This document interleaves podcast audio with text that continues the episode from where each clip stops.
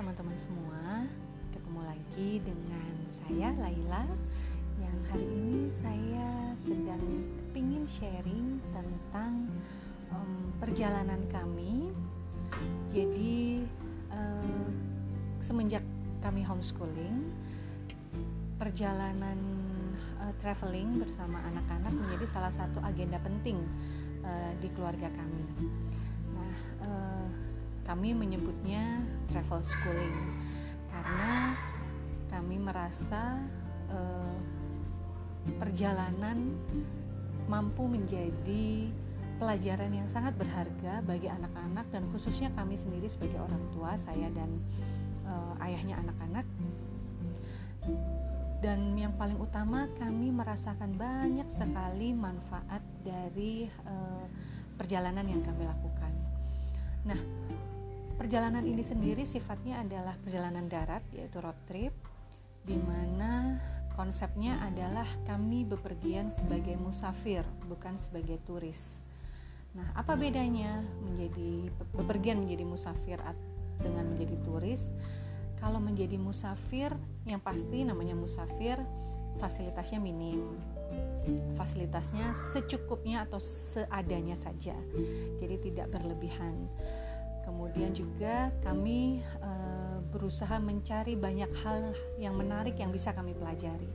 Nah, kalau bedanya dengan turis, kalau turis biasanya bepergian pasti perjalanan yang nyaman, kemudian fasilitasnya pun juga nyaman, dan berharap hal-hal yang menarik mendatangi dirinya. Nah, itu tadi bedanya.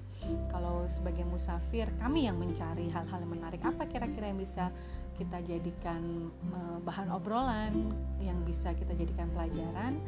Kalau sebagai turis maka kita menanti hal-hal menarik itu datang ke kita. Nah, eh, sebetulnya road trip ini sendiri merupakan salah satu impian dari suami saya. Jadi sejak awal menikah beliau sudah beberapa kali menyampaikan bahwa ingin sekali bepergian perjalanan darat dari Surabaya tempat kami tinggal ke Kota Padang di mana tempat beliau dilahirkan. Nah, dulu saya nggak kebayang gitu kan jauh jauh sekali ya dari Surabaya ke Padang gitu. Apalagi bawa anak-anak. Oh, saya sudah membayangkan pasti repot dan segala macam.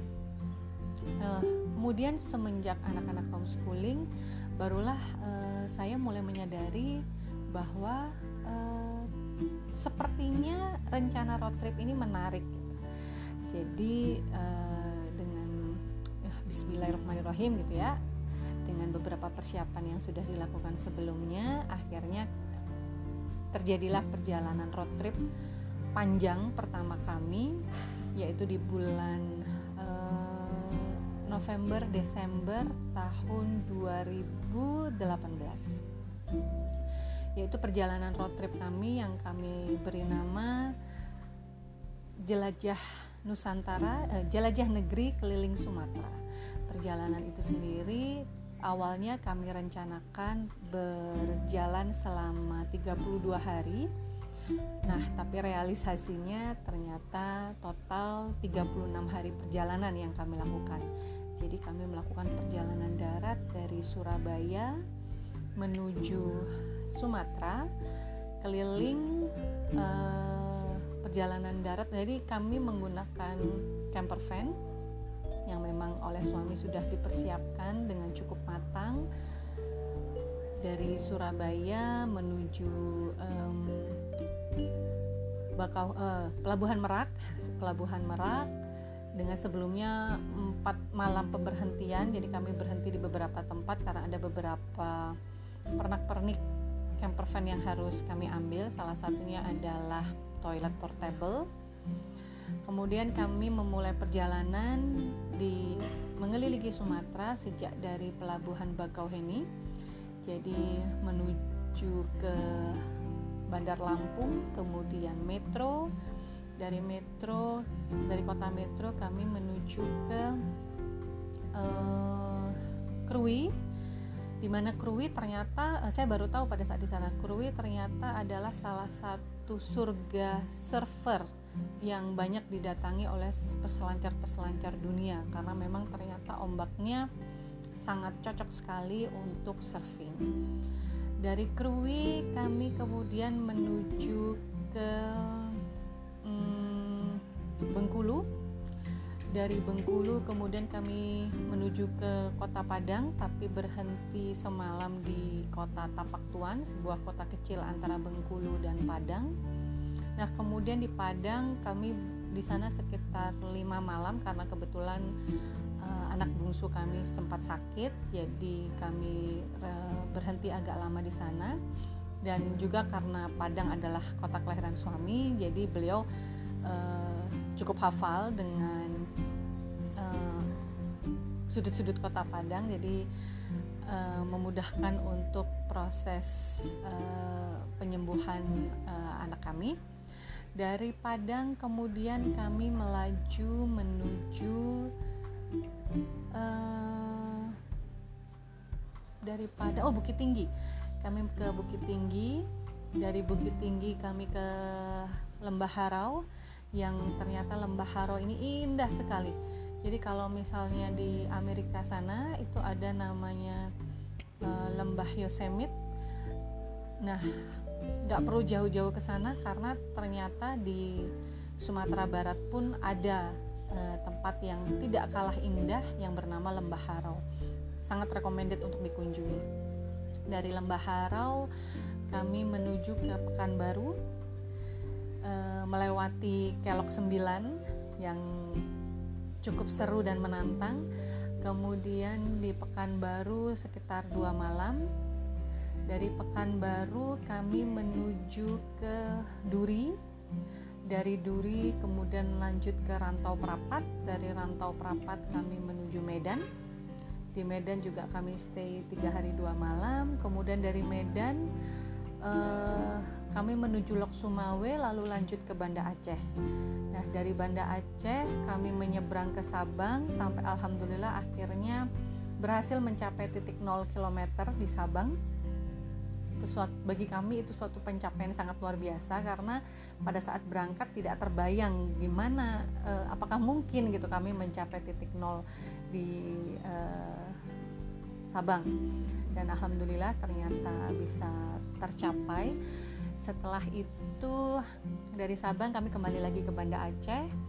Dari Banda Aceh kami menuju ke saya lupa namanya nama kotanya. Kemudian jadi kami jadi berangkat itu dari sisi barat Sumatera pulang menuju ke sisi timur. Jadi kami juga menuju ke jadi dari Banda Aceh ada satu kota saya lupa namanya. Dari situ kemudian ke Subulus Salam. Dari Subulus Salam kami menuju ke Parapat yaitu tempat Danau Toba dari Parapat kami kembali lagi menuju ke Rantau Prapat. Dari Rantau Prapat kami menuju ke Dumai.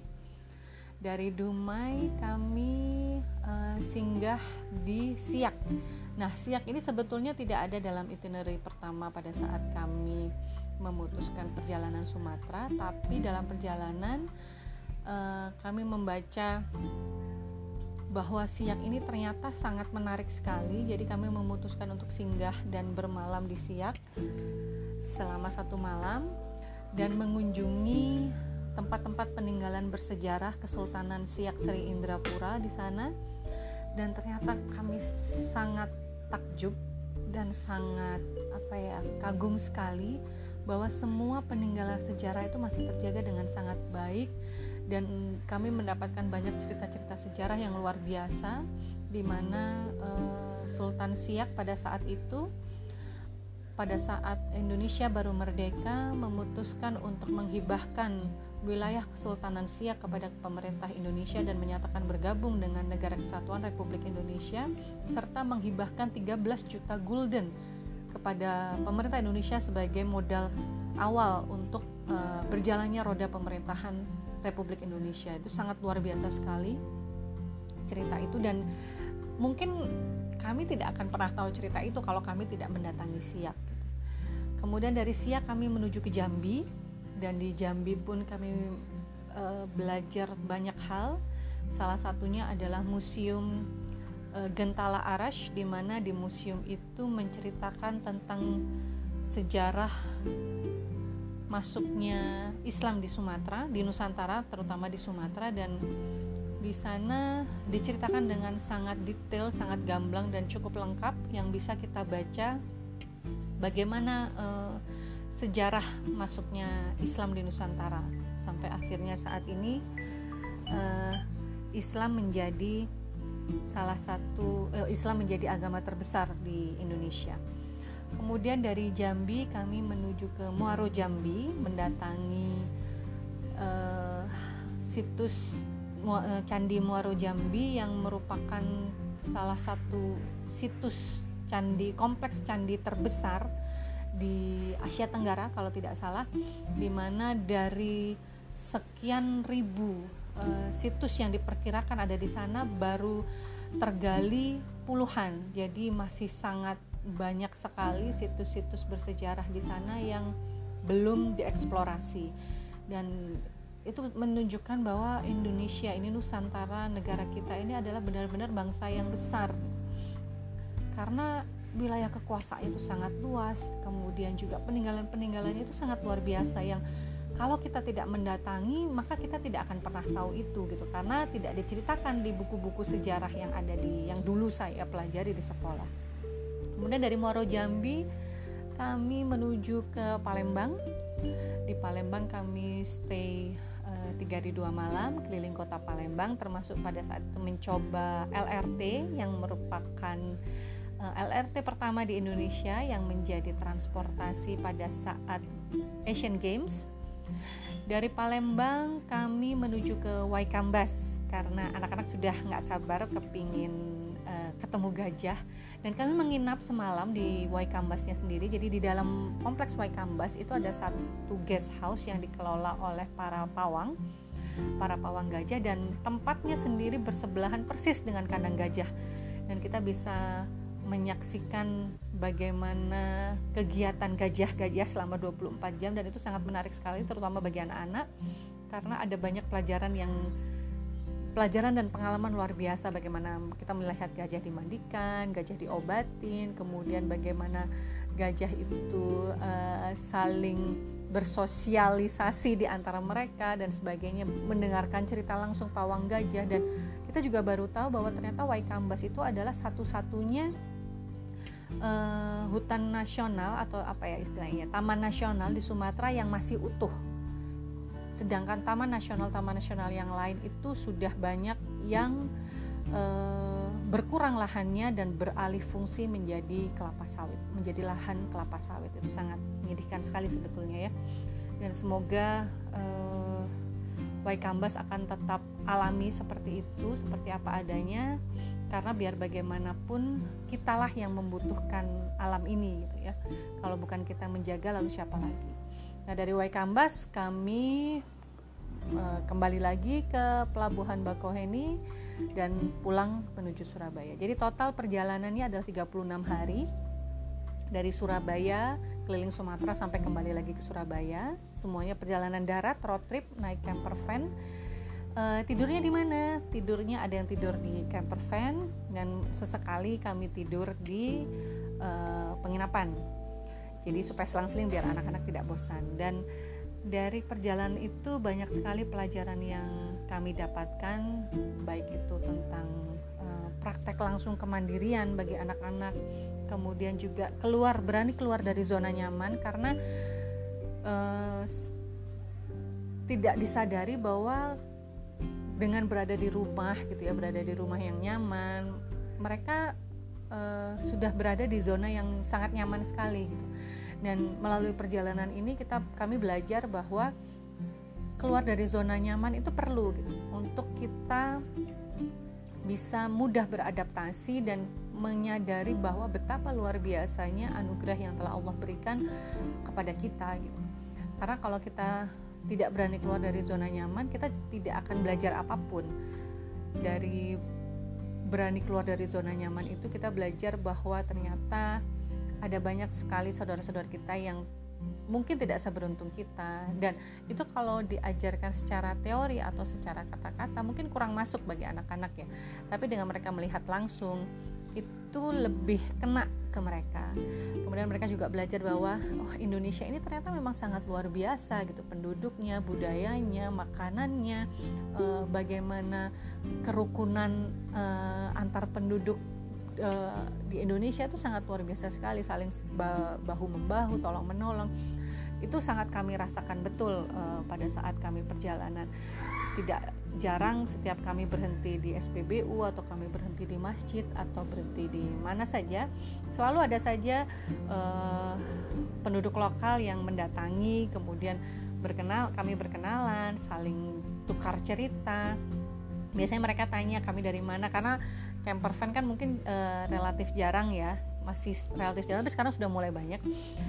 Tapi mungkin kan bukan bukan mobil yang biasa ditemui sehari-hari seperti itu. Jadi biasanya mereka uh, kami saling bertukar cerita. Sampai kami pernah ingat uh, saya ingat ada satu waktu di mana kami menginap di mas, salah satu halaman masjid di Subulus Salam kota Subulus Salam. Uh, di sana kebetulan ternyata masjid itu di belakangnya ada madrasah. Dan pada saat pagi-pagi sekitar jam 6 gitu mulai banyak tuh anak-anak SD yang anak-anak uh, eh, SD yang datang. Akhirnya mereka berkerumun gitu di, di, di mobil kami dan bertanya ini apa? Ini mobil apa? Ini mau ke mana? Ini dari mana itu rasanya luar biasa sekali gitu pada saat uh, kami bercerita dan melihat mata-mata mereka yang berbinar-binar dan penuh rasa ingin tahu itu betul-betul luar biasa. Dan kami ceritakan kami sampaikan ke mereka harus berani bermimpi yang besar gitu. Walaupun mungkin saat ini dari kota kecil di Subulu Salam gitu harus berani bermimpi minimal keliling Indonesia supaya supaya benar-benar tahu Indonesia itu seperti apa seperti apa penduduknya seperti apa uh, pulau-pulaunya seperti apa budayanya makanannya dan segala macam. Dan itu satu perasaan yang sangat luar biasa yang kami rasakan maupun anak-anak kami rasakan. Dan uh, perjalanan ini benar-benar merupakan uh, pengalaman yang sangat berharga dan saya sangat merekomendasikan bagi keluarga-keluarga lain untuk memulai perjalanan darat bepergian sebagai musafir ya memang tidak nyaman memang repot tetapi percayalah manfaatnya yang akan teman-teman dapatkan itu sangat-sangat sebanding dengan segala kerepotan yang akan kita hadapi. Itu sangat luar biasa dan sekali mencoba pasti akan ketagihan karena kami eh, setelah perjalanan Sumatera kemarin kita juga sudah melakukan eh, road trip panjang yang kedua tapi tidak selama di Sumatera yang kedua kemarin eh, sekitar 19 hari kami melakukan perjalanan keliling Bali, Lombok dan Sumbawa. Jadi sampai Nusa Tenggara Barat sampai di ujung Nusa Tenggara Barat di Sape uh, yang itu merupakan ujung kalau misalnya ujung Nusa Tenggara Barat kalau kita mau menyeberang ke Nusa Tenggara Timur. Nah, nanti kapan-kapan saya ceritakan lagi tentang road trip Bali Lombok Sumbawa, tapi yang pasti perjalanan Sumatera ini sangat berkesan buat kami. Uh, dua dewasa, lima anak-anak usia 12, 11, uh, 10 kemudian eh, 12, 11, 9 eh, 6 dan 4 tahun. Itu perjalanan yang sangat luar biasa. Dan ada sempat ada yang bertanya apa bagaimana cara anak-anak beradaptasi? Saya percaya bahwa pada dasarnya anak-anak itu sangat mudah beradaptasi. Justru orang dewasalah yang lebih sulit beradaptasi. Selama kita tenang selama kita eh, apa ya pikiran kita pun juga berpikir yang positif anak-anak itu akan merasakan gitu. Mereka bisa merasakan apa yang kita rasakan. Jadi kalau kitanya enjoy mereka pun juga akan enjoy gitu. Dan uh, itu perjalanan yang sangat-sangat berkesan oke mungkin itu aja sharing dari saya kali ini. Dan yang pasti saya sangat merekomendasikan buat teman-teman semua, keluarga-keluarga lain, mungkin tidak harus perjalanan panjang dulu, bisa dimulai dengan perjalanan-perjalanan pendek tapi percaya perjalanan darat itu luar biasa. Karena dengan perjalanan darat kita bisa berhenti sewaktu-waktu. Tidak perlu mem memiliki target yang muluk-muluk tidak perlu harus mendatangi banyak tempat dalam satu hari gitu ya. Karena karena kita bersama anak-anak otomatis kita harus memikirkan juga bagaimana mood mereka dan segala macam. Jadi biasanya kita sehari satu sampai dua tempat tujuan itu sudah bagus. Gitu. dan kita juga bisa puas mengeksplorasi satu kota bagaimana uh, kearifan lokal di sana budaya dan segala macam. Terus kalau ada sesuatu yang menarik di jalan kita bisa berhenti sewaktu-waktu. Dan satu tips lagi uh, cari tahu tentang museum yang ada di kota yang akan kita kunjungi karena ada banyak sekali catatan-catatan sejarah yang luar biasa yang bisa kita baca, yang bisa kita pelajari dan itu tidak ada di eh, buku-buku uh, sejarah. Jadi uh, saran saya kalau boleh memberi saran segera mulai perjalanan road trip teman-teman semua bersama keluarga dan yakinlah ada banyak manfaat luar biasa yang akan teman-teman dapatkan dari uh, road trip berpetualangan bersama keluarga. Oke, okay, terima kasih itu sharing saya hari ini. Insya Allah nanti kapan-kapan akan ada sharing lagi yang lain dan semoga bermanfaat. Assalamualaikum warahmatullahi wabarakatuh. thank you